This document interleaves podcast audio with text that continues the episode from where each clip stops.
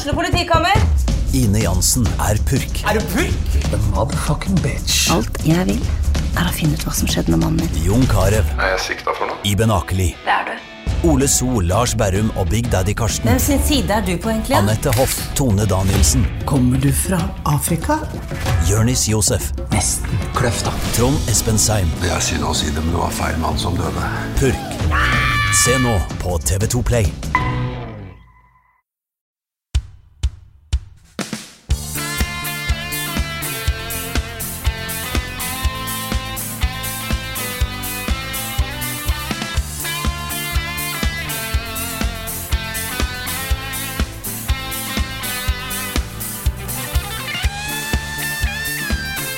Neimen hello, dette er Niklas Halvorsen, og velkommen til Level Backup Nick Edition.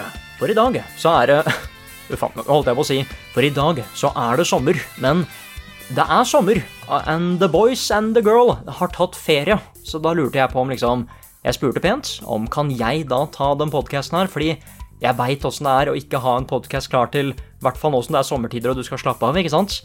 Så da spurte jeg bare kan jeg ta den podkasten her. Jeg kan prøve å ta den aleine. Det er veldig sånn jeg, Dette er en ganske sånn svær challenge for meg, altså. Men jeg har for ikke så lenge siden så streama jeg aleine også, da. For første gang. Så jeg tenkte at det å da ta en podkast aleine er liksom det naturlige andre steget, da. Jeg har også ikke det beste lydutstyret til det her, men jeg har funnet den beste sokken som popfilter, så jeg håper at lyden er ok. Igjen, dette er første gang, men jeg skal prøve. Og så jeg nå at jeg har allerede møtt på det første problemet, da, fordi jeg starta jo denne podkasten med denne introlåta til Level Backup. Og jeg veit ikke hvor lenge den skal spille. Den spilles i bakgrunnen nå, og jeg husker ikke hvor lang tid det tok før Rune fada den ut. Uh, og jeg har ikke så mye å snakke om heller, fordi igjen, det er bare meg her. Men jeg skal prøve det jeg kan, og holde meg til den originale podcast-strukturen til Level Backup. Uh, jeg husker ikke noen 100% hva som var riktig rekkefølge, men jeg tror jeg husker det. Jeg har i hvert fall skrevet det ned, da, det jeg tror det er. Så jeg skal prøve å gå gjennom de originale spaltene. Og hvis det er noen som liksom Hvis jeg glemmer en eller annen, så sorry. Ukens hotteste!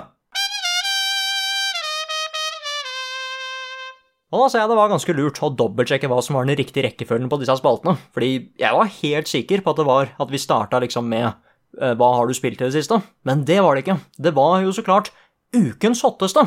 Og ukens hotteste, det er da uten tvil Microsoft sin Xbox pressekonferanse. Den som da tok sted torsdag kveld. Og altså, i går Jeg spiller det her inn på en fredag. Det er også derfor denne podkasten her, eller iallfall en av grunnene til at denne podkasten her er litt seint ute. For jeg ville vente med å ja, se hva den konferansen handla om, ikke sant? Fordi dette her var jo litt spennende, da. Sony sin pressekonferanse for et par måneder siden nå, den var jo an absolute hit, ikke sant? De viste fram skikkelig kule spill, veldig, veldig spennende eksklusiver og sånn, Spiderman blant annet, og så avslutter de med å vise fram den nye konsollen. Og jeg er veldig glad i det nye designet til PlayStation. Jeg syns den var slick og futuristic og fin, ikke sant? Så dette var veldig spennende. Nå var det liksom Microsofts mulighet til å virkelig slå an, da. Slå på stortromma, som det heter. Jeg kan si at den var, den var helt ok.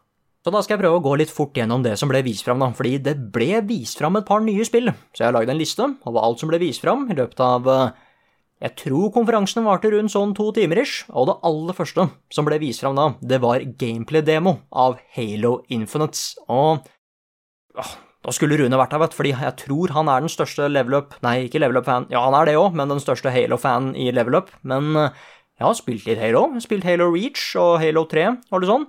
Men jeg likte det her, da, fordi det var Halo i en open world setting. Du kunne se den der ringen du spilte på i bakgrunnen, og du hadde forskjellige objectives, og han hoppa inn denne hva heter denne bilen? Denne Warhoggen, og kjørte rundt og tok ut fiender, og du så mange forskjellige nye våpen, og jeg syntes det så litt stilig ut. Jeg, jeg kasta en penn når jeg så det. Det er det vi pleier å gjøre når vi dekker disse konferansene, så jeg kasta en penn. Jeg, jeg kan se potensialet der, da, at det kan bli veldig, veldig kult. Men så har vi kommet til den delen som jeg likte aller best med hele konferansen, og det jeg ble mest liksom glad og overraska for å se. Og det var traileren til State of the K3, og det er et sånn derre Det er et, en zombieserie, zombiespillserie, og jeg, jeg, vil kanskje si at det er den beste zombiespillserien. Jeg elsker den serien, i hvert fall det første spillet. Det andre spillet hadde litt problemer, men jeg kan også se et utrolig stort potensial her, fordi Det er et sånt zombiespill som handler om Walking Dead-delen av The Apocalypse. da. Altså finne folk, lage et trygt community, gå rundt og finne ressurser, og så kan du bli smitta av viruset. Sånne ting som det der. Det er permadeath, og du kan miste karakterer og sånn. og denne gangen her så så det ut at vi spiller langt ute i nord, det var i hvert fall det det så ut som på traileren. Det var snø og sånn, og du jakta på en undead hjort, eller et reinsdyr, så det vil si undead animals, og det var det ikke i det forrige spillet, så det er jo dette viruset driver og utvikler seg nå, ikke sant? Så veldig spent på State of the K3.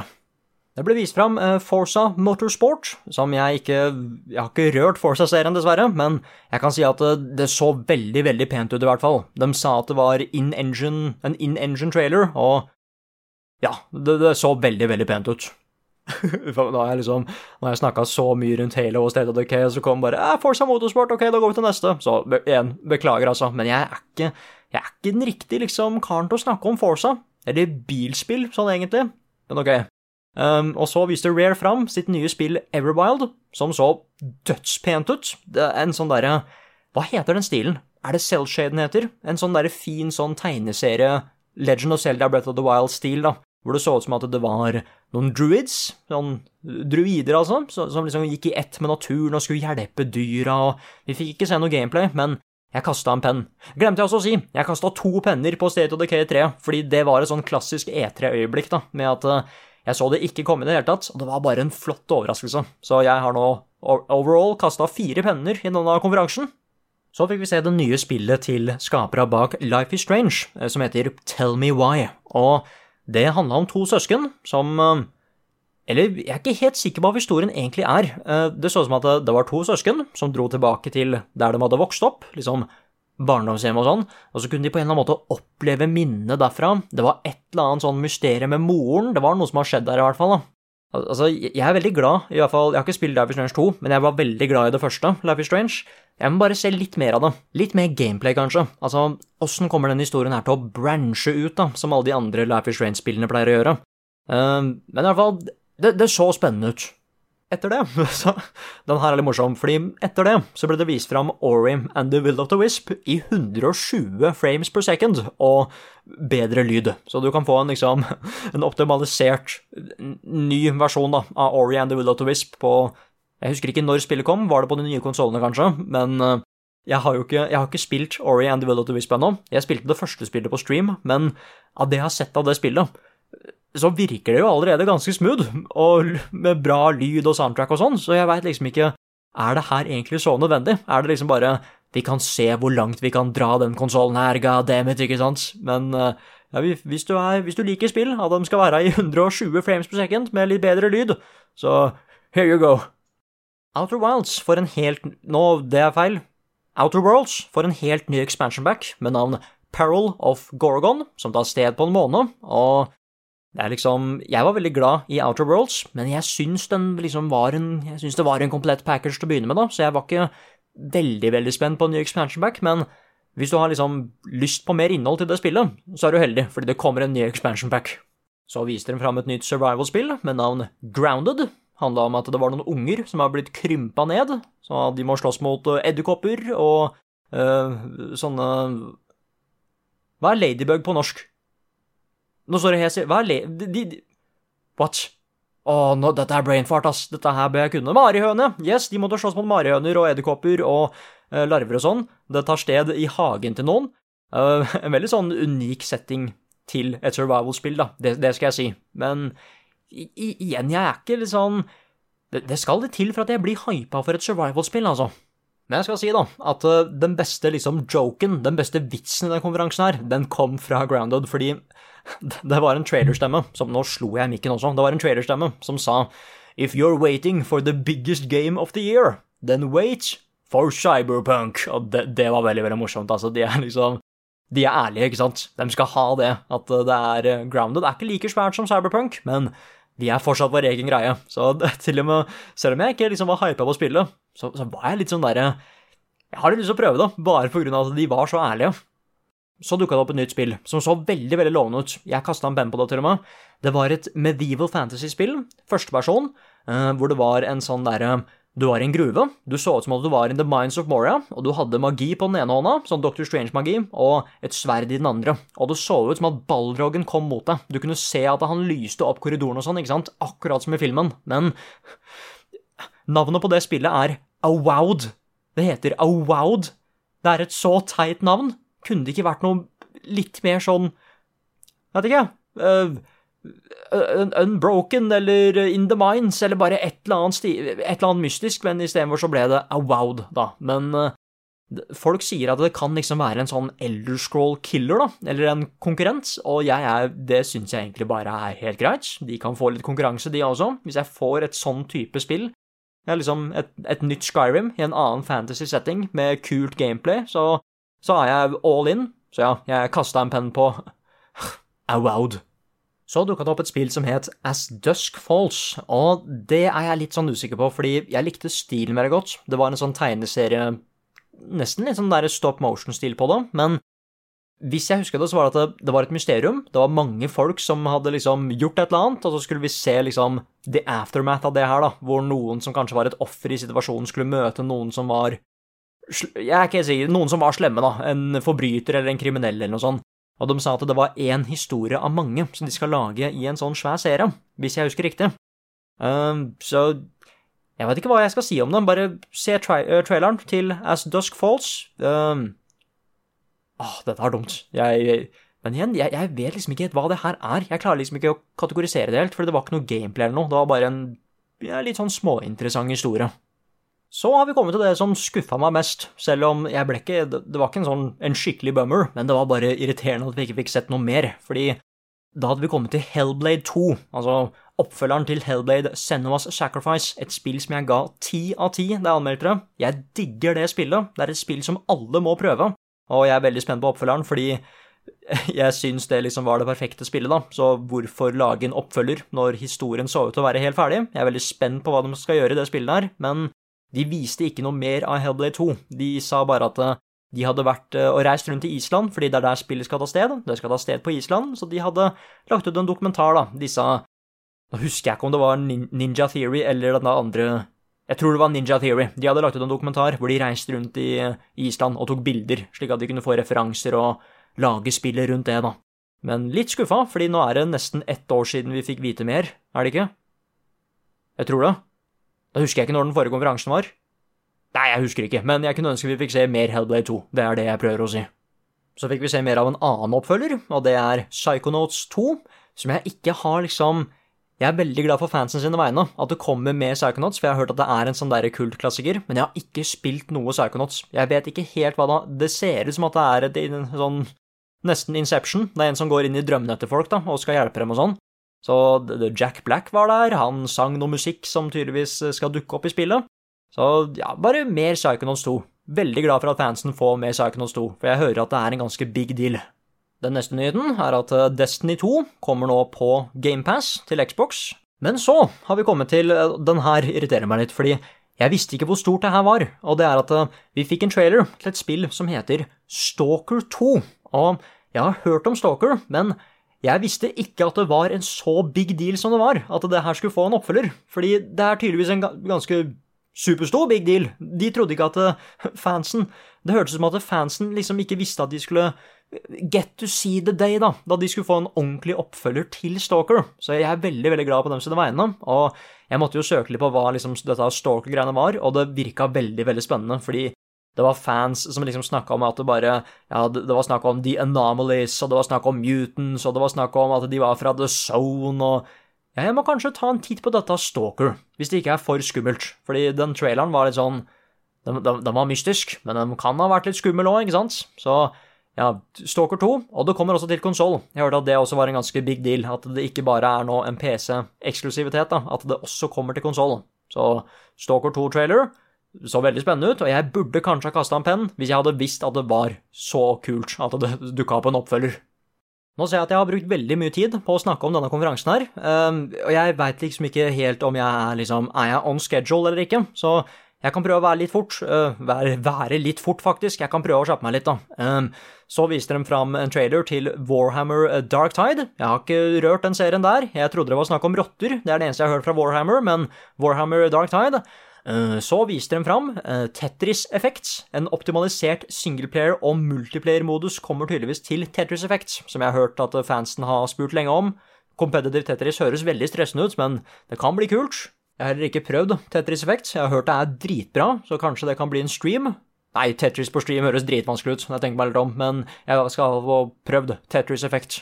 Så dukka det opp en ny 3D-plattformer, eller en trailer til en ny 3D-plattformer som het The Gunk, hvor det var en sånn liten var en liten jente som drev og gikk rundt med en sånn der maskin som sugde opp en sånn gugge av noe slag. I hvert fall en, en 3D-plattformer, da.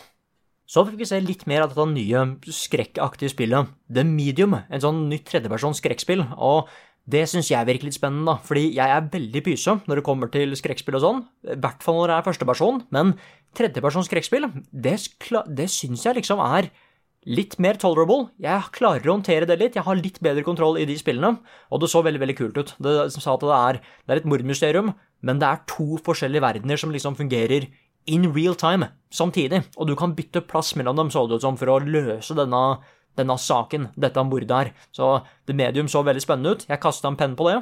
Så dukka det opp en trailer til et spill som heter Fantasy Star Online 2 New Genesis, som har vært ute da husker jeg sikkert i Japan eller noe sånt en stund, men det nå kommer til Vesten og sånn, på PC og Xbox. Så fikk vi se traileren til et nytt spill som heter Crossfire X. Eller, eller det er ikke helt nytt, vi har sett en trailer før, men nå fikk vi vite at det her er et førstepersons action shooter-spill, da. Det så helt bananas ut, det så veldig, veldig kult ut. Det var liksom eksplosjoner og flyvende fyrer og sånn overalt, og jeg er veldig glad i sånne power fantasy-spill og sånn, men jeg kunne bare ønske at vi så litt mer gameplay av det. I hvert fall det var gameplay i traileren, men liksom ekte gameplay, da. Åssen vil det være å spille det spillet her in real time?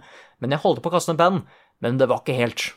Og det aller siste som ble vist fram da, det var traileren til det helt nye Fable, eller er det Fable 4? Har de egentlig sagt hva det er, men ryktene stemte i hvert fall. De, ryktene var at de holdt på et nytt Fable, og det dukka opp et nytt Fable. Og jeg er ikke, jeg er ikke den største Fable-fanen, jeg har spilt det, men jeg veit om flere som var kjempehappy for å endelig se mer Fable. Så ja, det var det. Og de avslutta konferansen med å si at alle spillene som vi viser fram nå, altså alle de nye spillene, kommer til å bli tilgjengelig via Xbox GamePass. Og det er konge, altså. Xbox GamePass er en kongetjeneste. Så det at det liksom bare Det er blitt så enkelt å bare skaffe en Xbox, og hvis du bare har et GamePass-abonnement, så har du liksom spill for days. Og flere av spillene er helt nye spill, altså spill som akkurat har blitt lansert. Så det å liksom bare få det bekrefta, at alt det nye dukker opp på GamePass òg, likte jeg veldig, veldig godt. Det var en veldig sånn fin måte å avslutte det på. Så overall, så ja, som jeg sa i stad, jeg syns konferansen var helt ok, fordi at eh, det som kunne være bedre jeg forventa nok kanskje litt mer, siden dette her var den konferansen som skulle ordentlig vise fram den nye konsollgenerasjonen til Microsoft, ikke sant? Ordentlig vise fram den nye Xboxen og sånn. Så da syns jeg Sony gjorde en litt bedre jobb med å både vise fram skikkelig eksklusive ting, og åssen det kommer til å være å spille de spillene her, da. Men overall, en, en ok pressekonferanse. Vi får mer State of Decay. Hva har du spilt i det siste? Og da har vi kommet til Hva har du spilt i det siste? Det var den spalten jeg trodde var først, men ja, jeg veit ikke hvor lenge vi kommer til å være her heller. Eh, Det kan gå veldig fort, fordi det er bare jeg som er her, men jeg setter i gang. Så det første jeg har spilt av, det er mer Ghost of Sushima. Og det spillet der, det er litt sånn derre Jeg begynner nesten å få litt sånn tvil på om jeg, kan, jeg kanskje burde ha gitt det en tier, ass. Det er jeg, jeg har spilt så mye Open World, men det spillet skiller seg veldig mye ut. Mest fordi bare, igjen, hvor pen verden er, det er én ting, men åssen den verden bruker plassen sin, og åssen det er balansert med historien og sånn. Og jeg har lyst til å spoile. Jeg hadde lyst til å spoile og snakke om det der mye mer i anmeldelsen. Den anmeldelsen kunne egentlig bli veldig lang, men jeg måtte kutte en del ting, da.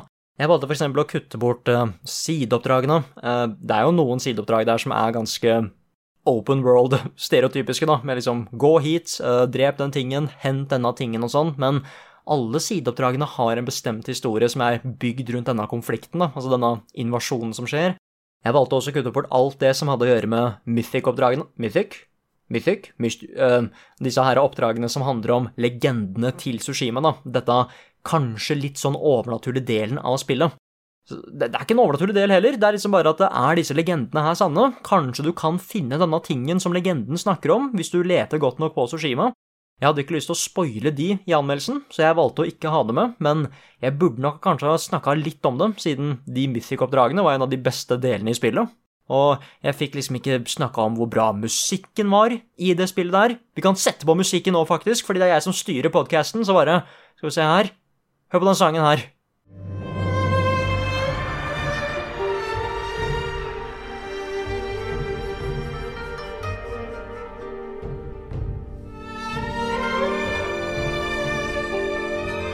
Bare hør på den sangen der. Altså, soundtracket til Ghost of Tsushima.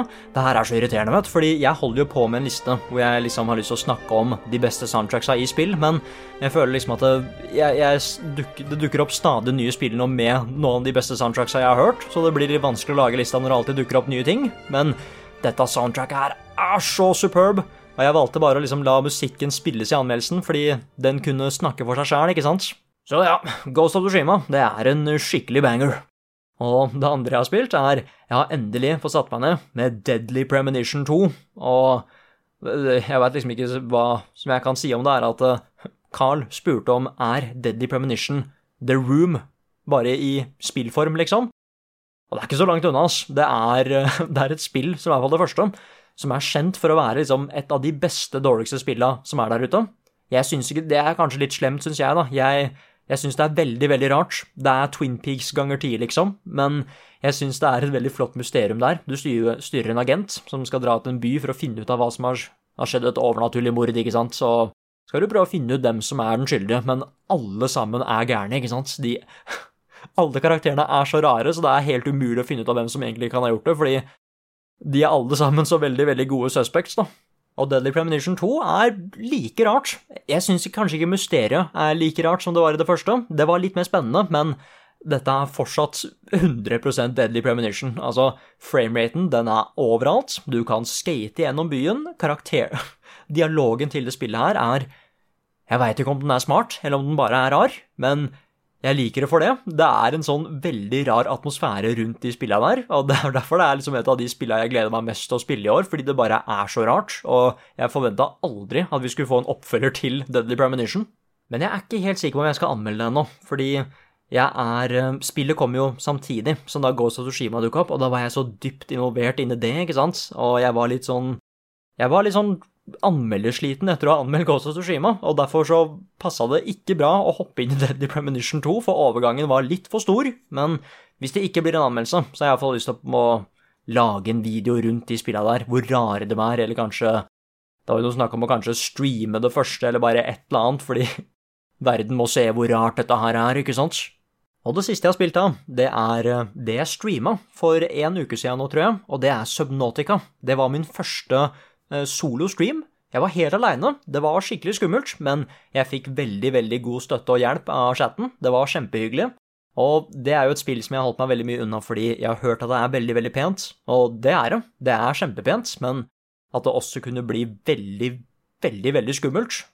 Og det ble det òg. Det ble kjempeskummelt så fort det ble mørkt. Eller hvis jeg skulle for langt liksom ned i havbunnen, da. Fordi spill som liksom det er bare en sånn frykt som jeg alltid har hatt, egentlig. Bare at uh, i Sea of Thieves, for eksempel, hvis jeg detter ut av skipet i Sea of Thieves, og jeg bare ser ned, og det er et totalt mørke der, og det er bare den der frykten for det ukjente. ikke sant? Bare hva kan være i det mørket der? Og plutselig så dukker det opp en hai eller annet sånt, og det er hele spillet til Subnotica. Du er stranda på denne vannplaneten i Interstellar, egentlig. Det er bare vann overalt. Og den eneste måten du kan overleve på, er å liksom bare først finne sånne småfisker og sånn, men du skal jo komme deg bort fra øya òg, og da må du Øya, faktisk. Du skal jo komme deg bort fra planeten òg, så da må du liksom svømme flere hundre meter under vann, og du hører lyder, og du får høre hvor svære ting er. De snakker om The Leviathans og skikkelig skumle fisker, og jeg aner ikke hva som er på havbunnen, da.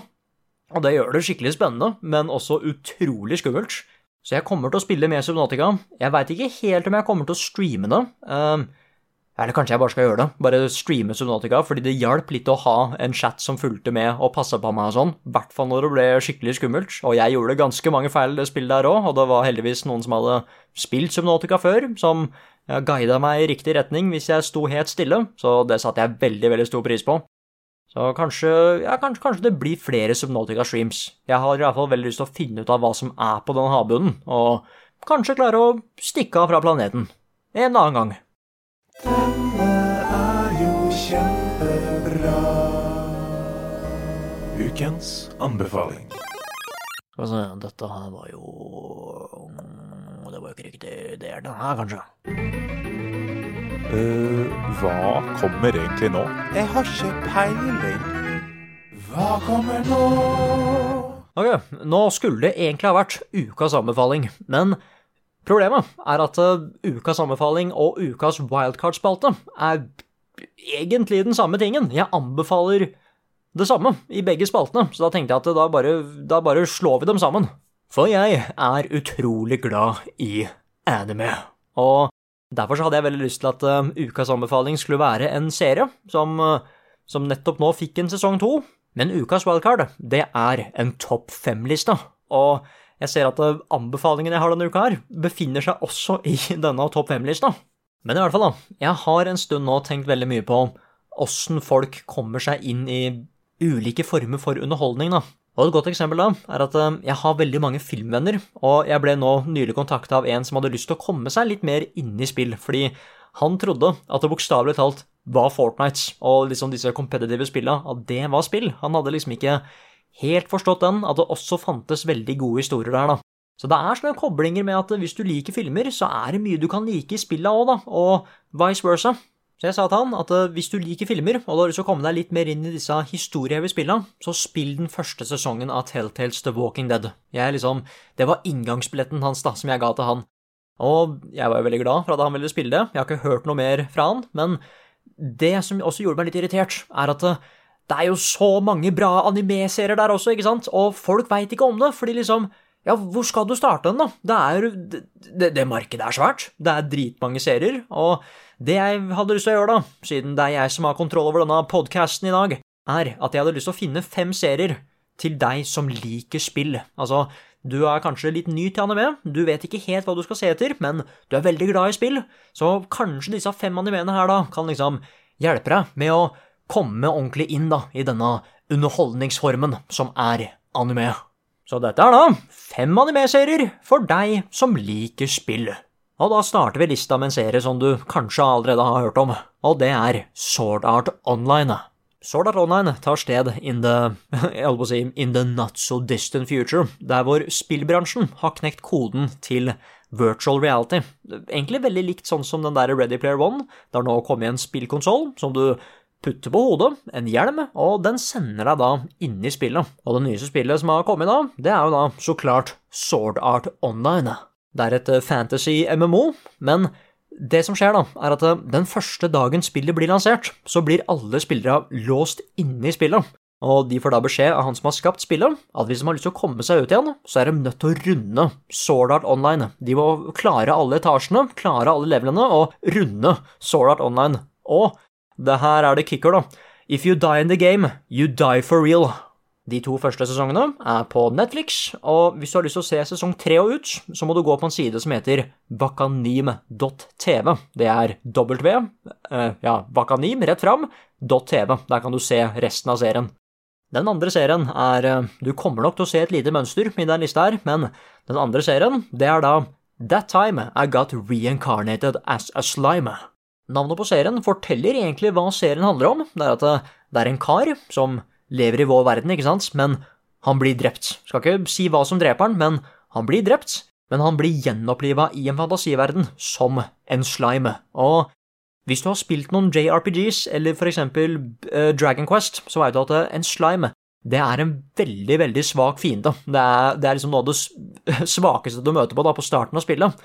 Men han får en egenskap litt sånn som Kirby fra Super Smash og Kirby-spillene. Det han spiser, tar han egenskapene til, så han blir en ganske kraftig slime. Og det den serien her er som gjør den unik, er at eh, den forteller historien til monstre og sånn, som lever i disse fantasiverdenene, og ja, generelt spillet og sånn. Du, du, ser liksom denne verden fra monstra sin side, og den er veldig morsom, og den er veldig, veldig stilig.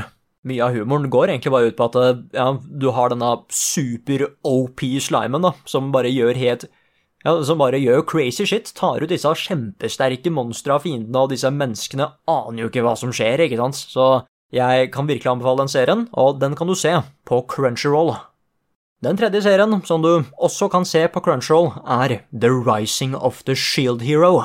Denne serien her handler om fire stykker som blir sendt til en fantasiverden, men det er en fantasiverden som er i ferd med å gå under. Det er The Apocalypse, og disse fire folka som ble sendt hit, de er The Heroes of Prophecy. Du har det Sword Hero, du har det Bow Hero, du har det Spear Hero, og til slutt da så har du hovedpersonen vår, The Shield Hero.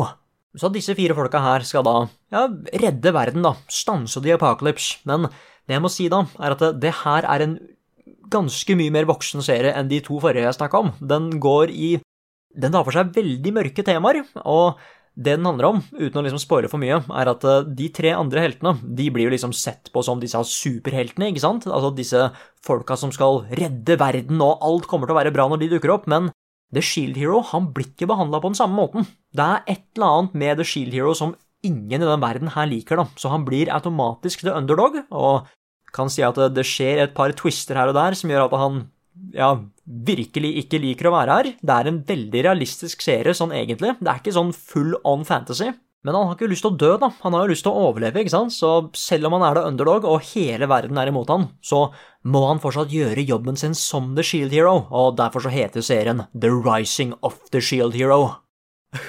Nå ser jeg liksom at Åh, det er jo liksom jeg, jeg, Det høres ut som at jeg er en broken record her, ikke sant, men den neste serien på lista, da, det er en som vi har snakka litt om før, i hvert fall Frida og jeg, og det er Konosuba. Eller det fulle navnet Konosuba, God's Blessing on This Wonderful World.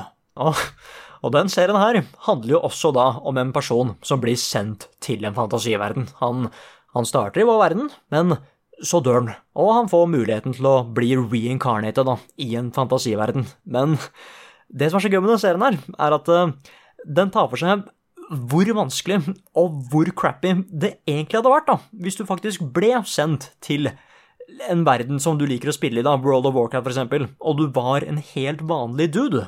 Et godt eksempel da er at uh, i den første episoden så må han jo først finne ut hvor, hvor, skal han bo hen? Åssen skal han tjene penger? Altså, Han må jo tenke på leia og sånn, ikke sant, der han ender opp med å bo. Altså, Han har jo lyst til å være en adventure og stanse The Demon King, som liksom har drevet og terror, terrorisert landet og sånn, men han bare han, han, er en helt vanlig person, da. Altså, Åssen skal han leve i den verden her? Men det blir bedre, da, fordi etter hvert så klarer han å samle en liten gjeng med adventures, med eventyrere. En, en prest, en mage og en tank. Og det her er den mest ubrukelige gjengen jeg har sett. Det er liksom Det er uten tvil den verste gjengen du kunne hatt med deg hvis du liksom var i et MMO-spill, eller du skulle i en dungeon eller et raid. Det er Jeg har ikke lyst til å spoile liksom hvorfor de er det, men åh, det, det er incredible. Det er en av de morsomste liksom, seriene jeg har sett. Punktum. Ikke bare anime, men liksom når det kommer til TV-serier og film og sånn. Den er dødsmorsom. Det er 100% komedie. Og det handler om bare den verste squaden i en liksom fantasy-setting, da, som skal prøve å finne sitt sted i denne verden her, og kanskje en gang beseire The Demon King. Og det er Åh, det er fantastisk. Jeg elsker den serien her, og du kan se den på Crunchyroll. Og da har vi kommet til den siste serien, og det som originalt da hadde tenkt til å være ukas anbefaling, og det er ReZero, eller det fulle navnet ReZero Starting Life in Another World.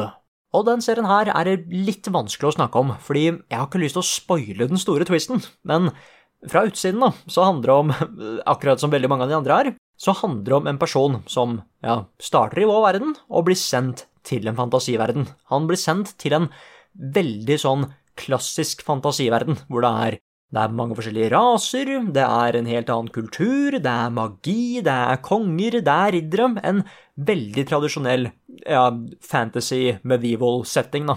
Men den ene tingen da, som skiller den verden her fra mange andre fantasiverdener, er at alle de som bor her, blir blessed med noe. Og jeg skal, ikke, jeg skal prøve å være litt vague på hva det vil si, men det kan liksom eksempel bety at noen blir velsigna med, med talent, eller kanskje en spesiell kraft eller noe sånt. Så bortsett fra det, så er det her en veldig tradisjonell fantasy-setting. Men idet hovedpersonen vår dukker opp, så skjer det noe med den verden her. Og igjen, jeg skal ikke spoile hva det er, men jeg prøvde å finne liksom en, en måte jeg kunne liksom snakke om hva den serien her egentlig handler om, uten å røpe denne vendingen her, da. Og da fant jeg en kommentar på YouTube som ordentlig understreker hva ReZero er, Eh, og den kommentaren sa da ReZero tar sted i en tradisjonell fantasiverden som er i ferd med å bli til Dark Souls. Det er en perfekt beskrivelse på hva ReZero er, da, og en, bare en sånn bitte liten ting da, en bitte liten sånn minispoiler, men denne hovedpersonen, da, altså hovedpersonen vår i den serien her, han blir også blessed med et eller annet, og, og det han får, er en type kraft som er en veldig kjent og veldig vanlig spillmekanikk. Det er alt jeg skal si, og jeg tror du garantert kommer til å skjønne hva jeg snakker om. Så ja, det var ReZero, og etter fire dødslange år så har nå sesong to endelig starta, og du kan se serien på Crunchyroll. Her kommer nyheter med Niklas Halvorsen. Og han har hår. Men det har jo også vært et par nyheter denne uka her, og da starter vi med å snakke litt om Ghost of Tsushima, et spill som Niklas Halvorsen likte veldig, veldig godt. Og den første nyheten da, det er Ghost of Tsushima har solgt skikkelig bra. Ifølge PlayStation sin Twitter-side så er det PlayStation 4s fastest selling first party original IP-debut, med, et- med et salg på whopping 2,4 millioner eksemplarer. Og det Åh, og det fortjener alt sammen. Jeg digga Ghost of Tsushima, og hvis det kan fortsette å selge så bra de liksom kommende dagene, så går det helt fint. Det, det fortjener det, ass.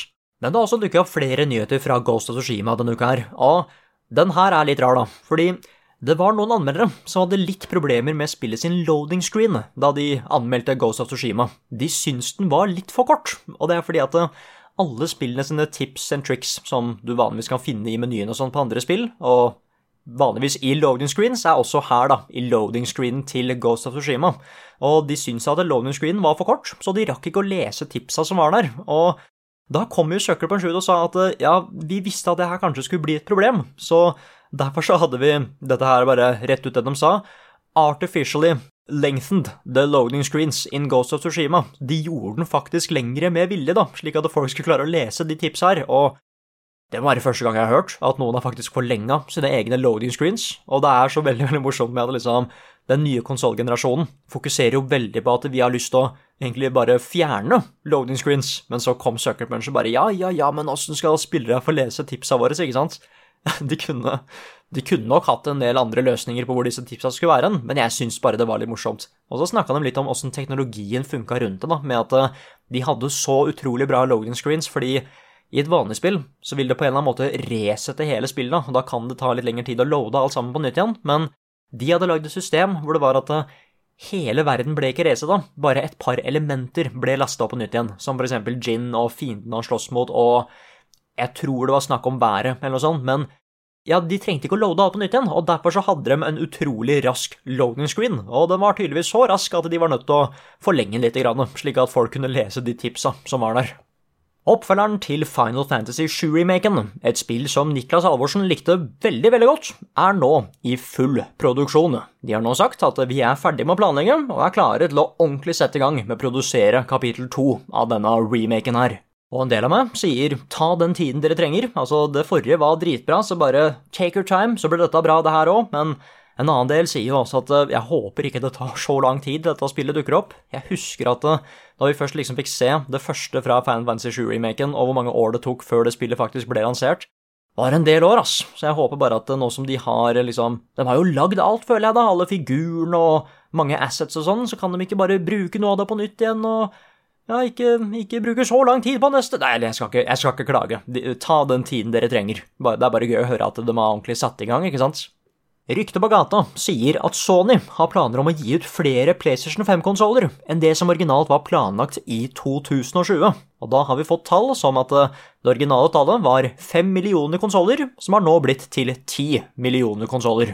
Og det er tydeligvis pga. hvordan koronasituasjonen har boosta salget til både konsoller og spill. Det er eh, jeg, jeg, jeg kan se den litt, ikke sant? Det er flere som ikke helt vet hva de skal finne på akkurat nå, og da har de gått til spill. Bare se hva som skjedde med Animal Crossing. Så igjen, det er fortsatt bare et rykte, men det er ikke så far-fetched, syns jeg, da. Dette her kan stemme, liksom. Vi får bare vente og se hva Sony sier om det. Det er liksom det eneste vi kan gjøre. Dæven døtte, og det var egentlig alle nyhetene. Åh, dette her gikk så smooth. Hva er dines best, hvor var fredag sist? Har Carl egentlig sopp? Ukens spørsmål. Hva er det den introen der sier, egentlig? For jeg hører liksom at eh, Jeg hører dem sier Hva har Rune spist? Og hvor var Frida sist? Men den delen med Carl, den er sånn Ja, den kan være hva som helst, ass. Men i hvert fall, nå har vi jo kommet til den delen som jeg gleda meg mest til. For min favorittdel av podkasten, det er Q&A. Altså svare på spørsmål fra lyttere og seere, da. Og jeg starta denne podkasten med å si at eh, jeg filmer det her på en fredag, men nå er det lørdag. Jeg har venta en ekstra dag, fordi via, via Facebook-sida vår og Level of Community og Patreon så fikk vi inn Vi fikk inn utrolig mange spørsmål, og jeg fikk litt sånn dårlig samvittighet, fordi det var ikke meningen at, skulle, at jeg skulle svare på så mange spørsmål, men nå styrer jeg podkasten denne uka her, ikke sant? Så da tenkte jeg at eh, da kan jeg gå litt crazy med å svare på en del spørsmål. Fordi vi fikk inn en del spørsmål. Vi fikk inn over 100 spørsmål, gosh og det er kjempehyggelig, altså. Ok, så da har jeg lagd en liten liste, faktisk et eget Word-dokument for ukens spørsmål. Så da bare setter vi i gang. Jeg knekker opp fingra. Knekkete knekk. Ok? Og det første spørsmålet da, det er delt inn i tre deler, fordi det var tre stykker som lurte på noe som handler om den samme tingen, da. Og det er eh, Kjaus, han spør, for relativt nye lyttere, kan du gi en rask recap av din spillhistorie? Og Eivind Milje Romsland, Romsland spør hva er det første spillet du husker du spilte da du var barn? Og Tormund, nei Tormund, Tormud eh, Gullvåg spør hvordan ble du interessert i gaming? Så de liksom connecter hverandre, ikke sant? Eh, jeg kan si at min spillhistorie, og det første spillet jeg kan huske at jeg spilte, det var Crash Bandicoot 2 til PlayStation 1. Det er liksom en av de liksom ja, Det er et av de eldste minnene jeg har. I hvert fall noe av det aller første jeg husker. Jeg husker egentlig ikke så mye før det, men det var liksom Crash Bandicoot 2. Så var det en venn, det var en venn av meg som hadde fått PlayStation 1. Jeg ante ikke hva dette her var, men det var det var fett, for å si det sånn, og så hadde de fått tak i Hercules og Worms, så etter det da så spurte jeg bare veldig pent om kunne jeg få en sånn konsoll, og det tok litt tid før jeg fikk en PlayStation 1, men jeg fikk en Gameboy Color, da, en gul Gameboy Color, og da fikk jeg spille Pokémon og sånn, så det var liksom de første spillene jeg spilte. Men uh, hvordan jeg liksom ble interessert i gaming, det var det at øh, jeg likte spill til å begynne med fra ja, ganske tidlig alder, da, men jeg var som regel mest inn i sånne actionspill og sånn, og kanskje litt sånne partyspill. Veldig mye Call of Duty og skytespill, da. Men det spillet som åpna gaminghorisonten min, det som liksom fikk meg til å forstå at det, det fins andre ting der ute Denne jeg, jeg holdt på å si, jeg var i grotten, ikke sant, men så gikk jeg ut, og så var det bare så mye mer der. Det var da jeg spilte To the Moon. Det var det spillet som åpna spillhorisonten min. Det var da jeg skjønte at selv om grafikken ikke var det beste, så, så var det liksom her var det gode historier òg, ass. Og det fikk meg til å føle ting som jeg ikke helt uh, Som jeg ikke helt visste hva jeg skulle gjøre med, da. Det, ja, det åpna alt, dette To the Moon. Så det er ja, det første jeg starta å spille, det var Crash Bandicoot. Og det som virkelig gjorde meg superinteressert i gaming, hvor jeg liksom skjønte at dette her er Dette var noe annet enn det jeg trodde det var. Det var To the Moon. Og da har vi kommet til det neste spørsmålet, om det spørsmålet som uten tvil ble stilt mest. For Erlend Aase Urstad, Fridtjof Haas Øyasæter og 32 andre lurer veldig på hva jeg bruker den dorullen til som står på pulten min. Det er, De refererer da til denne dorullen som det var bilde av på dette podkast-bildet som ble lagt ut på Level Up sin Facebook-side. Den hvor jeg da spurte etter spørsmål og sånn. og det er sommerrullen, eller det enda mer konkrete ordet, det er snyterullen. Fordi om sommeren så sliter jeg skikkelig med pollenallergi, og sånn, og da må jeg ha en dorull ved siden av meg, så jeg kan snyte meg litt. Anders Høyt han sier at eh, dopapir skaper sår nese, bruk ordentlig snytepapir. Ja, det er altså det er helt sant, hvis du bruker dopapir feil, så får du sår nese, men når du har snyter så mye som det jeg har, så får du ikke sår nese lenger av dopapir. Det er faktisk eh, ja, det er faktisk langt ifra. Du får en bedre nese, gosh darn. Raccoon spør Yo, Nick, kanskje lenge siden du har spilt det, men har du funnet Geir enda, eller? Og det han refererer til da, det er eh, dette spillet Bannerlord, som jeg, eller Mountain Blade 2 Bannerlord, som jeg testa litt da det dukka opp etter eh, Da det dukka opp i Early Access. Eh, Det var en historie da hvor du fant en stein, og da måtte du liksom finne ut hva denne steinen her var. Og da sa hele verden at hvis du har lyst til å finne ut hva den steinen her er, så finn Geir, fordi han veit hva den steinen her handler om, da. Eh, Så jeg lette da rundt omkring i hele verden etter Geir, og jeg fant til slutt Geir. Men Geir var et skikkelig butthole, så jeg drepte han isteden. Jeg likte han ikke i det hele tatt, og han hadde egentlig bare skapt problemer for hele befolkningen, så det var en litt sånn det var en litt sånn dum slutt på den historien. Jeg trodde Geir skulle være svaret på alt, men han visste egentlig ikke så veldig mye om den steinen. Eller jo, han gjorde det, men han sendte meg bare til en annen person, så jeg gikk egentlig dit etter at jeg hadde drept Geir, eh, because of him being a butthole and such.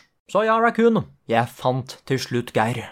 Jon Magnus Restad spør har du foreløpig en favoritt av Xbox Series X og PlayStation 5. Lurer litt på hvilken jeg skal gå for når den tid kommer. Og ja, det har jeg, og det er uten tvil PlayStation 5. Og det er egentlig bare fordi jeg har, jeg har alltid vært en PlayStation-boy. Det var liksom den første ordentlige konsollen jeg fikk, og jeg har alltid skaffa alle PlayStationene etter det. Men det mer konkrete svaret er vel det at jeg syns PlayStation har de beste eksklusive spillene, og derfor kommer jeg til å gå for PlayStation 5. Det hadde vært gøy å ha begge konsollene, for det kommer nok til å dukke opp noen dritgode eksklusiver på Xbox Series X òg, men PlayStation 5 først. Hvis jeg liksom absolutt må velge, så tar jeg den først. Helt klart. Martin Herfjord spør hva er dine topp tre favorittspill gjennom tidene? Og her må jeg jukse litt, fordi det er det første spillet. Det er Godhand. Det er det spillet jeg venter på skal få en oppfølger. Det kommer jo kanskje aldri til å skje, men du vet, det hadde vært fett. Det andre, det er Near Automata, som kom i 2017, 2018, et av de i hvert fall. Det er i hvert fall det, det nyeste spillet, da. Og det tredje, der jukser jeg med å si hele God of War, fordi God of War er favorittspillserien min, og jeg veit liksom ikke Jeg kan liksom ikke bare ta ett God of War-spill uten å ta med de andre, da. Så det er de tre spilla. Godhand, Near Automata og God of War. Og da har vi kommet til nok et spørsmål som er delt inn i tre deler. da. De handler så å si om den samme tingen, og det er eh, Tobias Rosland spør beste historien i et spill og hvorfor. Hans Peter Wassgaard spør hvilket spill har gjort deg mest sint, og Felix Danielsen spør hva er det beste du har spilt. Og svaret på det, liksom, ja, alle de tre spørsmålene har det samme svaret, og det er Near Automata. Det er det som sannsynligvis er mitt all time favorittspill. Jeg, har veldig vanskeligheter med å gi liksom siden det spillet er fortsatt nytt, så er jeg liksom ikke Det tok litt tid før jeg var helt sikker, da. Uh, jeg trodde liksom at hvis jeg bare kunne velge ett spill, et ultimat favorittspill, kan bare velge ett spill, så hadde det vært Godhand, men nå, er jeg, nå tror jeg det har blitt Near Automatas, fordi det spillet har den beste historien jeg, liksom, jeg har spilt. Mye fordi det er en sånn historie som du kan ikke fortelle den via film eller serie. Den hadde bare funka i dette spillmediet, da. Spillmediumet. Spillmediet. Det funker bare som en spillhistorie. Og så er det bare mange plot twister. Jeg digger settingen, jeg digger karakterene. Jeg er veldig glad i dette Near-universet, og åssen det er bygd opp fra de andre spillene. og ja, det det er en helt sånn der greie. Den lauren til, til den serien der er helt crazy, men den bare sjekka alle boksene for meg, da. Pluss at en av de beste delene i det spillet er rulleteksten. Så det skal ikke si hvorfor, men da kan du tenke deg sant, at til og med rulleteksten er et mesterverk i det spillet. Og det er også det spillet som gjorde meg mest sint. Skal ikke si hva det er, men det skjer en ting i det spillet hvor jeg bare ble Jeg ble ikke sint fordi det var dårlig, jeg ble bare sint fordi da holdt jeg på å spoile det, men eh, det ga mening for historien, hvorfor det skjedde.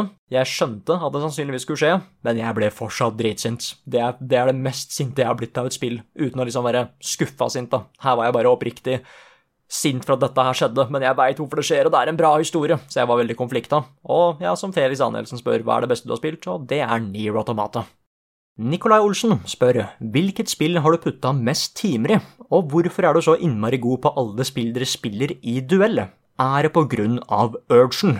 Og åh, det hadde vært Ja, det er på grunn av urgen. Det hadde vært så fett hvis det var det. Uh, nei, jeg, jeg Det er vel egentlig bare det at alle de spillene som vi spiller i duell, mye av det har jeg spilt før. Uh, og hvis jeg liksom ikke har spilt det, så har jeg som, som regel referansepunkter til andre spill som kanskje ligner litt, da. Jeg vil ikke si at jeg er noe eh, bedre enn de som er i level up. Jeg har bare vært veldig heldig med hva vi har spilt i de ulike duellene og sånn. Eh, Men jeg er veldig glad i eh, Jeg er veldig glad i å finne ut åssen et spill fungerer, da. Altså når jeg ser liksom en gameplay-trailer eller noe sånt, så tenker jeg liksom alltid ja, dette blir gøy å spille, men åssen er det egentlig å spille det spillet der? Altså åssen holder jeg kontrollen? Eh, Hvilke, hvordan, hvilke fingre bruker jeg til disse ulike knappene? Bare Jeg elsker den delen av liksom bruke det i praksis, da. Jeg tenker åssen jeg vil spille det spillet her, og så prøver jeg å spille det på den måten, og jeg blir veldig investert i det jeg spiller. Min pa er også utrolig god i spill. Eh, pappa er helt Han er mye bedre enn jeg er. Han er liksom the sensei, og det var han som lærte meg liksom Jeg husker vi spilte Star Fox, eller Lilet Wars, og han var den som liksom lærte meg å bare tenke på åssen et spill funker, da, og bare ja, bli litt investert, ha det litt, ha det litt gøy med det og sånn. Og, men mye av det er bare flaks, altså. Vi har spilt de riktige spillene for meg i duellen. Mye av det har jeg spilt før, men hadde det eksempel dukka opp Mario Kart, så hadde Frida knust meg. Hadde det dukka opp noe annet, uh, hva er det da bilspillet som Rune er så glad i? Jeg hadde blitt knust der òg. Carl er et monster på dette Pio Pio-spillet. Jeg er helt uh, ubrukelig i sportsspill som Fifa og sånn. Um, så, så, ja, det er det. Det er en balansegreie der.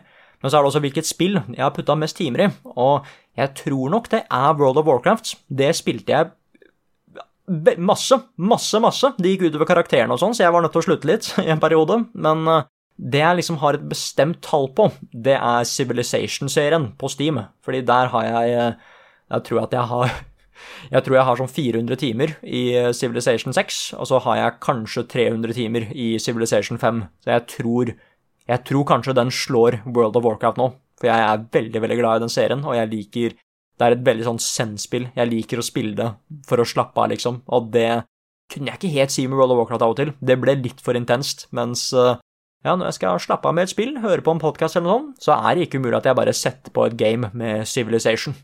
Varg Strande spør kan du anbefale en god kam, og nei, det kan jeg ikke. Jeg vet ikke hva en kam er, men det høres ut som noe som jeg ikke hadde likt, så nei, jeg kan ikke anbefale en god kam. Arild Råsholm spør drikker du te eller kaffe, og vel, det er jo egentlig svaret på det er nei og nei, jeg drikker ingen av delene. Og hvis du tenker på det der bildet som ble lagt ut på Facebook-sida vår, der jeg stilte etter spørsmål til den podkasten her, og den kaffekoppen der, så var det ikke te eller kaffe i den koppen. Der var det Urge. Anders Strugstad Køll, eller Cole, spør kan du gi en detaljert rundown på hvorfor Urge er den beste brusen, og Haribo-fersken er det beste godteriet. Og altså, det er vel egentlig bare så enkelt som at uh, they're simply the best and better than all the rest. Det er egentlig det. De smaker bare mye bedre enn resten. Haribo-fersken er det beste godteriet bare fordi det smaker best, og akkurat det samme er det med Urgen. Det er den beste drikken fordi det har den beste smaken. Tobias Gjerglau Gjerglausen wow, spør jeg er ganske ny innafor anime og har kun sett Full Metal Alchemist Brotherhood og Death Notes. Jeg syntes begge disse seriene her var veldig bra, og lurte på om du har noen andre gode anbefalinger. Åh, åh. You come to the right place, for å si det sånn, for det har jeg. Og det er ikke sånn at jeg har skrevet opp disse her på forhånd, eller noe sånt, jeg bare kommer plutselig på dem. Det første, da, det er Hvis du likte Death Note, så kan jeg virkelig anbefale en serie som heter The Promised Neverland, som du kan se på bakanim.tv. Den er den, den, er i dark, men den har alle Death Note sine mind games og sånn, da, så jeg tror du kommer til å like den. Den andre serien det er en serie som heter Roka Braves of the Six Flowers, som du kan se på Crunchyroll. Den, den har ikke så mange episoder, men der er det et uh, svært mysterium der òg. Og igjen, veldig mange mind games, akkurat som det er i Death Note, så dette er en serie du må følge skikkelig godt med på, da, fordi det er hint og foreshadowing og twister overalt. Den tredje det er den serien som jeg snakka om i stad, på både Ukas anbefaling og Wildcard. Uh, ReZero, Starting Life in Another World, som du kan se på Crunchyroll. Den er nok nærmest liksom Full Metal Alchemist, med at du har en tilsynelatende ganske fin verden med veldig mørke elementer, da. Så jeg tror du kommer til å like den veldig godt.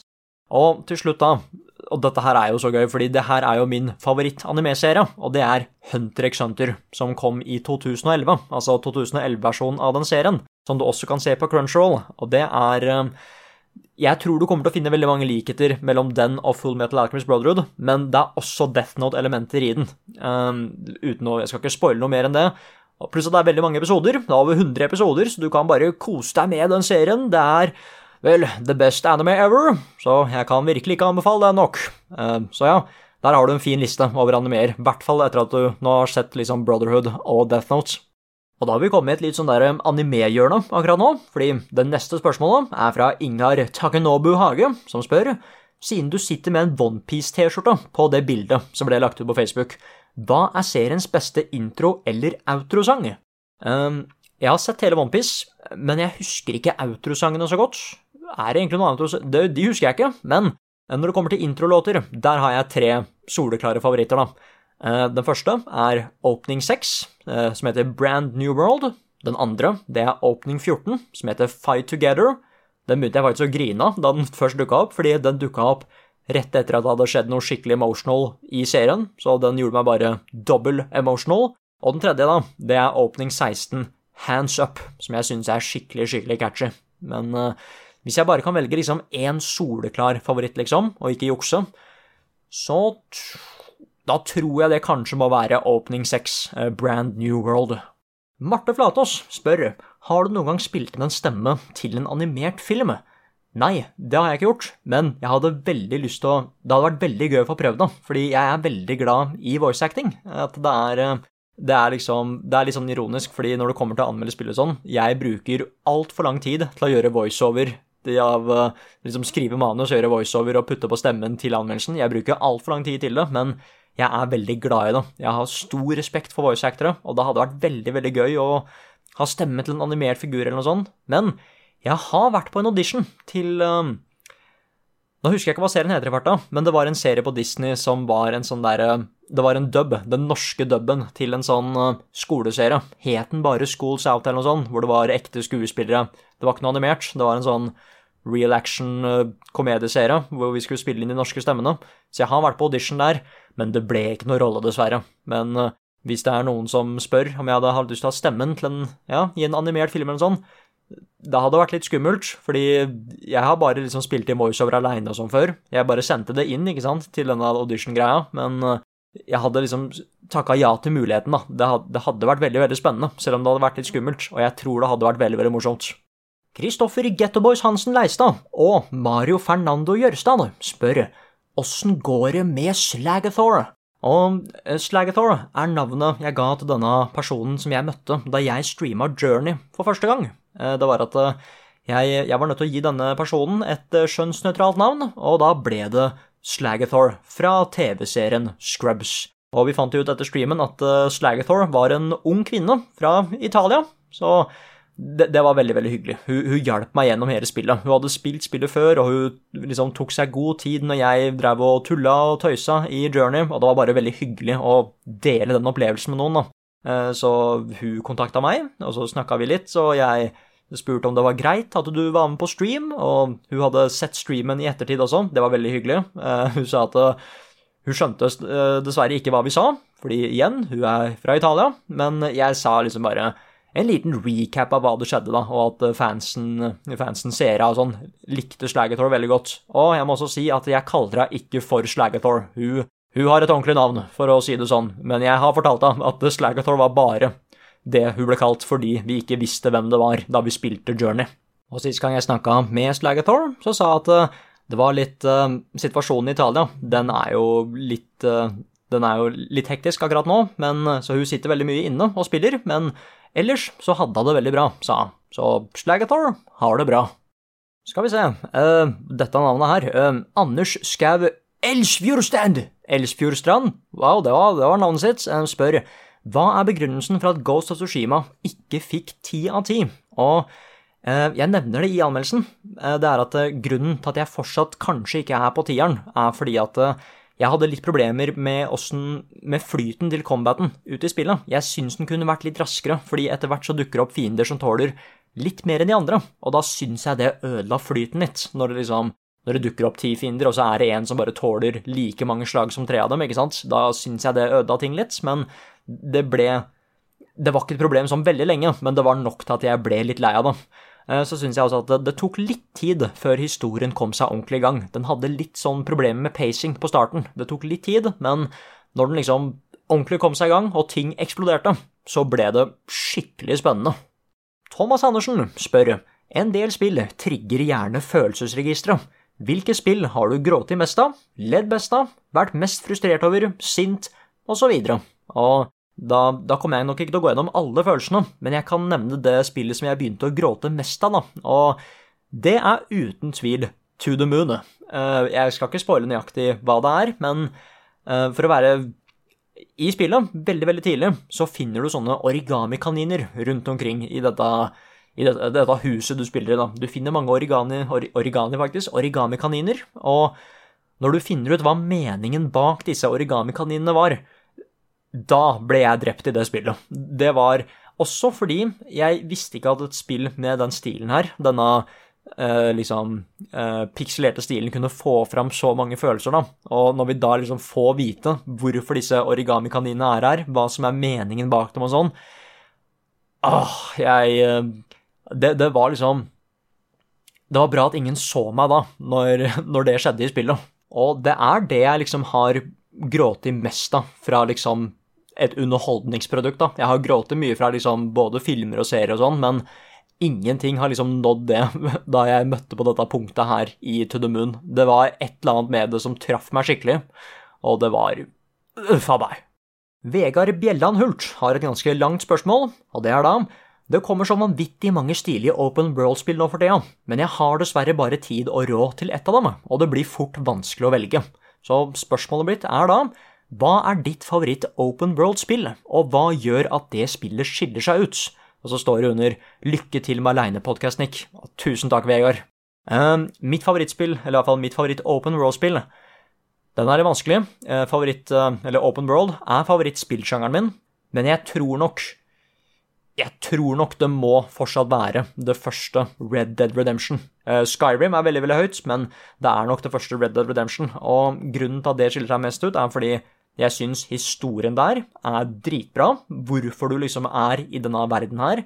Jeg syns hele liksom uh, Armadillo som et startsted er et av de beste liksom designa liksom, stedene of all time. Jeg, jeg, er, jeg er veldig glad i den settingen nå, western-settingen, det er én ting, men det er nok den beste verden, syns jeg, fordi måten den blir brukt på, da. Eh, måten du finner sideoppdrag, du kan liksom bare finne det helt tilfeldig av å liksom lete rundt omkring i Vesten. Du kan plukke opp blomster, du kan jakte på dyr, du kan finne skatter, du kan liksom gjøre sånne sharpshooter challenges, ikke sant, med pistolen din. Eh, det var veldig, veldig mange måter å belønne spilleren, uansett hva du valgte å gjøre i det spillet der, da.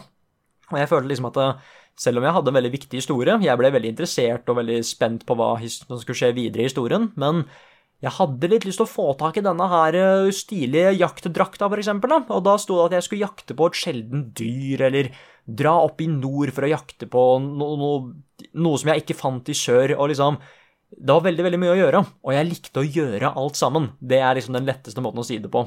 Utenom det så er det liksom bare Det er et eller annet med atmosfæren og stemningen til det spillet, når det enten kommer til musikken og bare ja, den tiden det ble laga på, da. Jeg er veldig, veldig glad i Red Dead Redemption 2, og det er helt klart liksom at jeg syns det er et objektivt bedre spill, Red Dead Redemption 2, men det er et eller annet med den stemningen som ikke helt eh, Den er der litt sånn av og til, men ikke hele tida, og mye av det kan være fordi dette her er mye mer moderne, da. Altså, grafikken er bedre, gameplay er bedre. Uh, Nei, den er litt vanskelig, men jeg må nok si Red Dead, det første Red Dead Redemption, det er nok mitt all time favoritt open world-spill.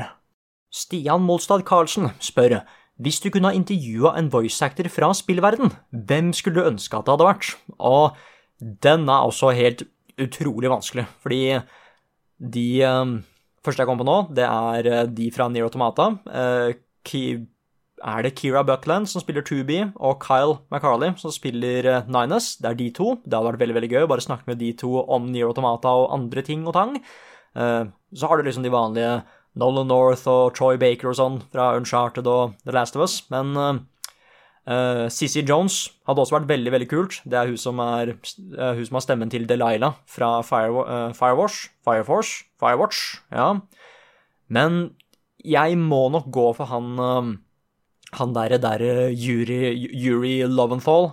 Yuri Loventhal, han som hadde stemmen til Spiderman i det nyeste Spiderman-spillet. Fordi han har vært i så utrolig mye rart. Han er blant annet Sasuke Uchiha fra Naruto, så det er mye der òg. Han har vært i mye anime. Men han fortjener mer arbeid, altså. Han er så flink. Og jeg vil egentlig bare Alt av intervjuer jeg har sett han sånn, han er også en stor fan av Spiderman og mange andre av de store spillene òg, så bare Kan ikke han få flere svære roller som det, da? Så jeg tror han er liksom han er nok den jeg mest ville snakka med, og jeg kan si at mye av praten hadde nok sannsynligvis gått til Spiderman.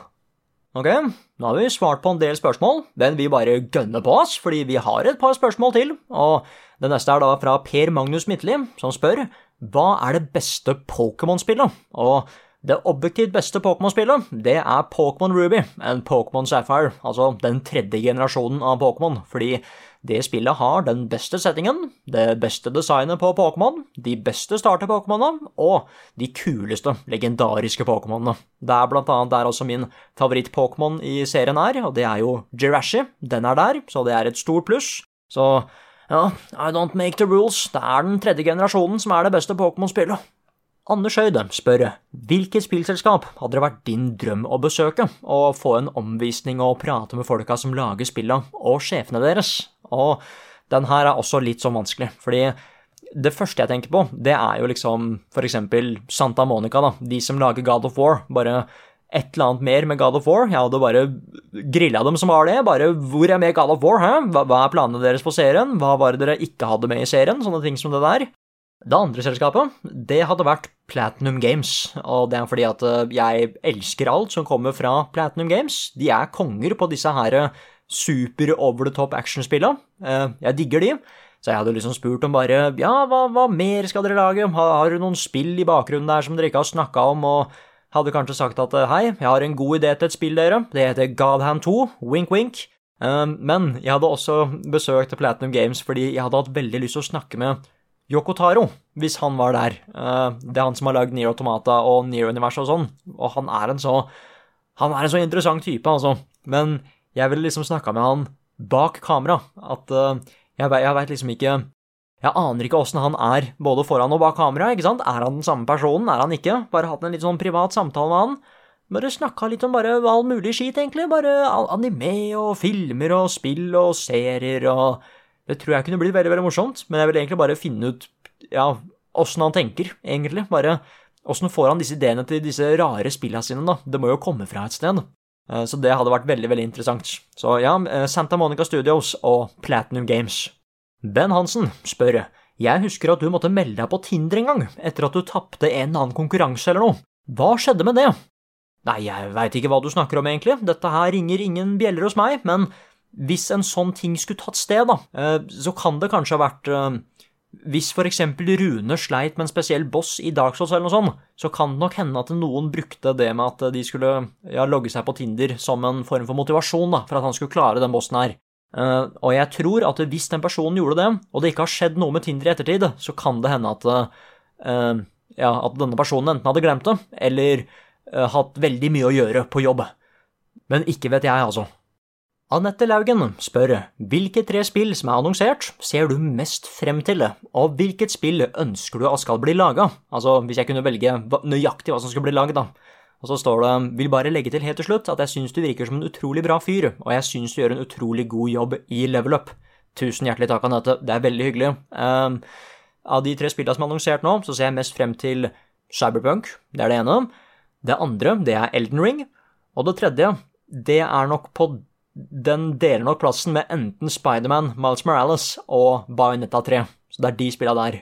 Og hvis jeg kunne velge, eller lage nøyaktig hvilket spill jeg ville, så hadde det vært Godhand 2. Da hadde jeg bare spurt alle spillselskaper bare hei, dropp det dere gjør, lag Godhand 2, så skal jeg slutte å plage dere.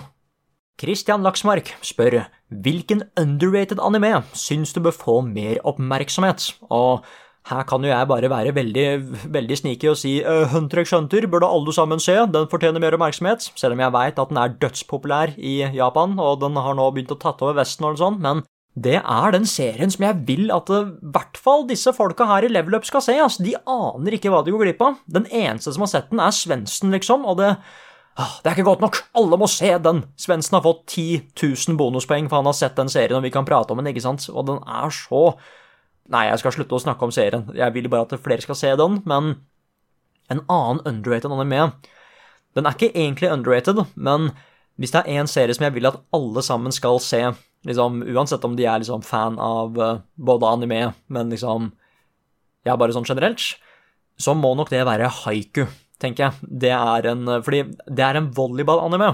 Og jeg tenkte liksom først at jeg tror ikke jeg kommer til å bli så investert i volleyball, ass, siden det igjen det er, det er sport og sånn, hvor spennende og hvor ja, hvor gode historier kan du skrive rundt det, liksom, men åh, det er eh, Det er bra, ass. Det er eh, Frida hadde jo sett gjennom haiku nå, ikke sant, og jeg ble så glad fordi hun hun snakka om disse svære øyeblikka, og jeg bare Å, jeg vet akkurat hva du snakker om!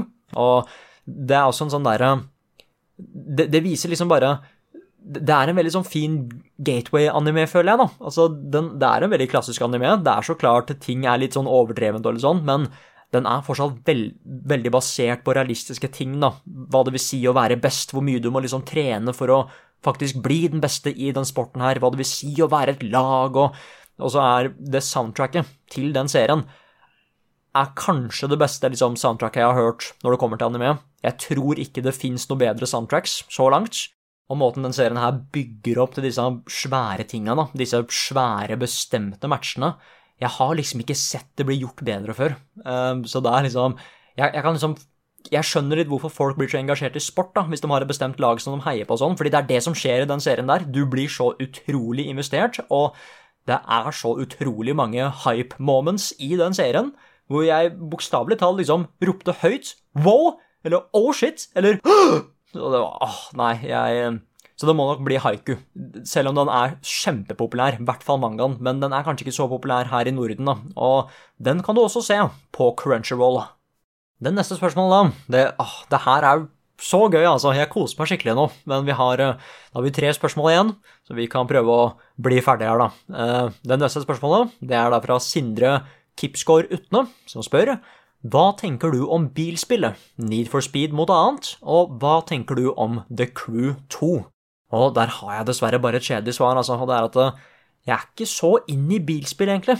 Det eneste, liksom, den eneste bilspillserien som jeg følger litt med på, da, eller som jeg liksom skaffer de nye spillene til, det er Mario Kart. Utenom det så er jeg ikke Jeg var veldig glad i denne Burnout-serien, det husker jeg. Jeg var veldig glad i å krasje bilene og sånn. Men uh, bortsett fra det, så må det liksom noe mer sånn Det må en sånn derre Noe ekstra til. En sånn X-faktor eller bare eksplosjoner, eller det må være skikkelig action-packed eller noe sånt. Jeg, jeg, har aldri liksom vært helt inne i disse realistiske bilspillene. Jeg har spilt litt Need for Speed, men jeg husker ikke så mye av det. Og jeg har dessverre ikke spilt The Crew 2. Tobias S. Hansen spør har Level Up hjulpet deg med å finne ut av hva du vil jobbe med videre, med tanke på utdannelse og sånn?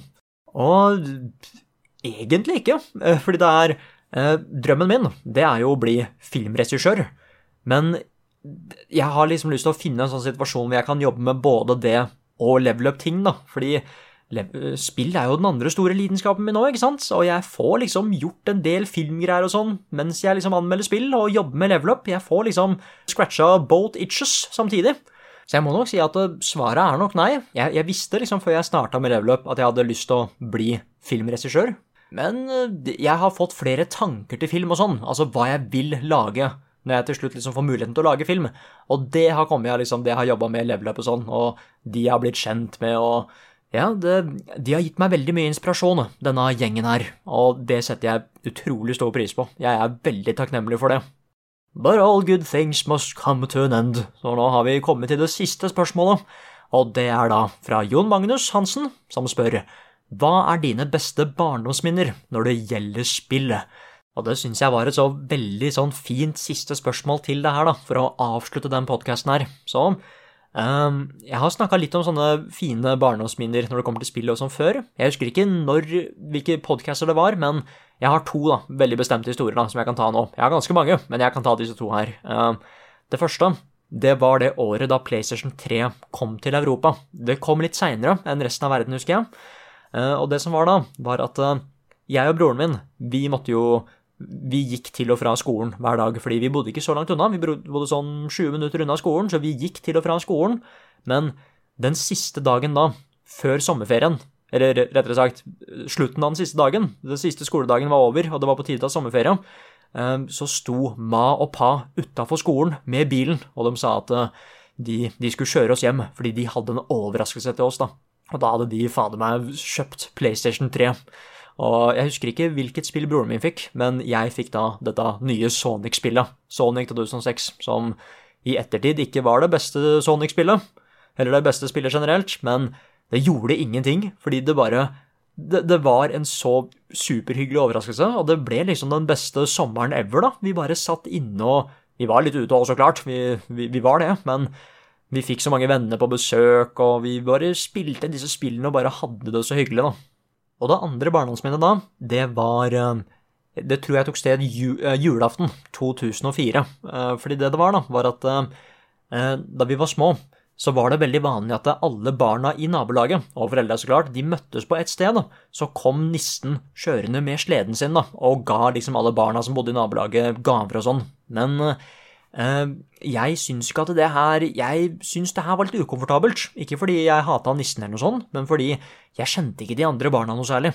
Eh, og da hadde ikke jeg liksom Da hadde ikke jeg så lyst til å være der. Men det visste foreldra mine. Så de sa da at istedenfor at jeg skulle være med på de tinga der, da, så sa de bare gå inn i huset, du, og finn denne bestemte pakka her. Eh, Jeg husker ikke nøyaktig hva de sa for at jeg skulle finne pakka, men bare finn den bestemte pakka her, og så kan du holde på med den mens vi er ute og sånn imens. Så da gikk jeg inn, og da jeg fant denne pakka, som hadde formen til et spill, så fant jeg da Ratchet and Clank 3. Eh, Så da fant jeg bare fram PlayStation, satte på det, og så spilte jeg Ratchet and Clank 3 mens de var ute og drev og tulla og tøysa med disse gavene og naboungene og nissene og sånn. Og det var Åh, jeg, savner det så mye, fordi det, det var en sånn derre det var jo på den tida hvor jeg visste jo ikke noe om spillet før jeg hadde spilt det, ikke sant? Eh, Det var jo liksom, Jeg søkte jo ikke opp på nettet hva dette Kunne jeg egentlig søkt opp på nettet hva det her var? Det var liksom bare Ja, plutselig så hadde det dukka opp et nytt spill i Ratchet Clank-serien, og jeg hadde fått det eh, på julaften, da. Så det var liksom bare noe helt nytt. Jeg, var, jeg gikk helt blindt inn. Og det var konge. Og etter hvert så kom de andre folka inn og bare Oi, hva er det du spiller? Jeg spiller Ratchet Clank 3, og jeg kommer nok ikke til å spise middag eller noe sånt der borte, for jeg har lyst til å bare være her og spille Ratchet Clank 3. Og så dukka broren min opp, og så spilte vi det litt sammen og sånn. Så det, ja, det var skikkelig hyggelig. Så ja, det var alle spørsmålene, og da tenker jeg at vi kan runde av denne her Level Backup Nick Edition. Det var, eh, det var litt skummelt, jeg, og jeg håper Jeg sier bare unnskyld på forhånd for at det var en del je og øm og liksom og hø. Eh, Og nå har jeg helt glemt at eh, Frida pleier jo nå å si hvor vi skal liksom eh, Hvem vi skal takke, og hun har en så veldig fin outro på podkasten, da. Så det jeg skal gjøre da, er at jeg skal eh, kanskje bare ta et klipp fra en annen podkast, og kanskje smette den inn litt her. Hei, Frida. Dette her visste du sikkert, men dette er, det du har hørt på nå, er Level Backup. Dette er en spillpodkast utgitt av moderne media. Det stemmer. Låten i introen og outroen er skrevet av Ole Sønnik Larsen og arrangert og framført av Kyoshu Orkestra. Vignettene er lagd av fantastiske Martin Herfjord. Ja. Du finner mye mer innhold fra oss på youtube.com slash levelupnord og twitch.tv slash levelupnord. Yes. Og hvis du vil være med, på å sørge for at vi kan lage mye mer innhold eh, i tida som kommer, så er det bare til å gå inn på patron.com slash levelupnorge eh, og bidra med det beløpet du eh, ønsker slash har muligheten til. Eh, det setter vi ekstremt stor pris på. Veldig hyggelig. Eh, så vil bare si nok en gang tusen takk til alle som støtter oss på Patron. Eh, tusen takk til alle som bidrar, og takk til alle som har hørt på. Og så snakkes vi igjen neste uke. Eller ingenting er helt spikra ennå, men kanskje neste uke. Åh, nå er musikken skikkelig høy. Vel, dette her har vært veldig, veldig hyggelig. Tusen takk for at dere hørte på, folkens. Ha det bra.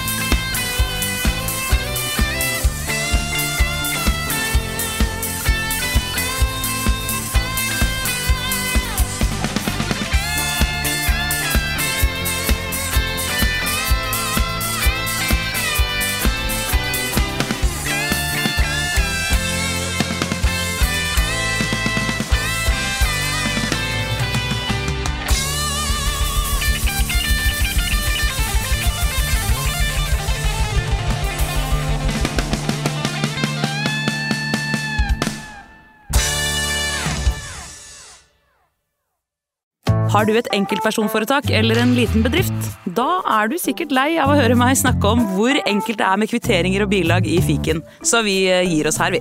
Fordi vi liker enkelt. Fiken superenkelt regnskap.